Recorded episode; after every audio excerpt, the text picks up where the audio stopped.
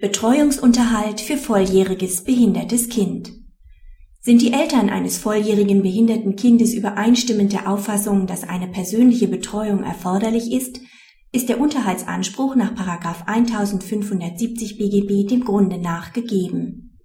Der Umfang der persönlichen Betreuung ist dann bei der Bemessung einer Erwerbspflicht des betreuenden Elternteils zu berücksichtigen die Parteien streiten um eine Abänderung eines Urteils zum nachehelichen Betreuungsunterhalt. Ihre Ehe wurde im Jahr 1998 geschieden. Seit der Trennung lebt der volljährige Sohn der Parteien bei der Frau. Er ist schwerbehindert und bedarf ständiger Pflege. Die Mutter übt keine Erwerbstätigkeit aus.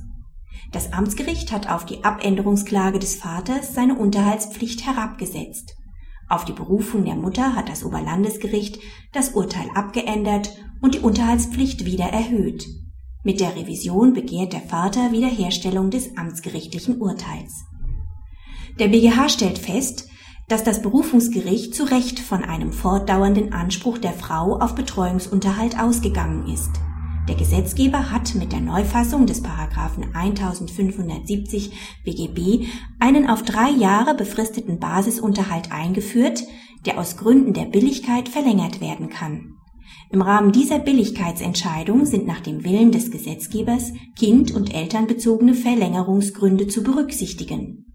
Der BGH stellt klar, dass Paragraph 1570 BGB sich nicht auf die Pflege und Erziehung eines minderjährigen Kindes beschränkt. Er stellt allein darauf ab, ob eine persönliche Betreuung des Kindes erforderlich ist und erfasst somit auch den Unterhaltsbedarf wegen Betreuung eines behinderten volljährigen Kindes. Dabei ist im Rahmen der kindbezogenen Gründe stets zunächst der individuelle Umstand zu prüfen, ob und in welchem Umfang die Kindesbetreuung auf andere Weise gesichert ist und in einer für das volljährige Kind geeigneten Betreuungseinrichtung gesichert werden könnte. Vorliegend sind jedoch die Eltern übereinstimmend der Auffassung, dass die persönliche Betreuung des gemeinsamen Kindes erforderlich ist. Von der Notwendigkeit einer solchen ist daher auszugehen. Hieraus folgt, dass eine Erwerbstätigkeit der Frau schon aus kindbezogenen Gründen ausscheidet. Praxishinweis. Sind mehrere Unterhaltsberechtigte vorhanden, spielt die Reihenfolge nach 1609 BGB eine Rolle, wenn das Einkommen des Pflichtigen nicht ausreicht, den Unterhaltsbedarf aller Bedürftigen voll zu decken. Die nicht privilegierten Volljährigen sind wie früher gegenüber Ansprüchen minderjähriger Kinder und privilegierter Volljähriger, Ehegatten und Ansprüchen aus 1615 LBGB nachrangig.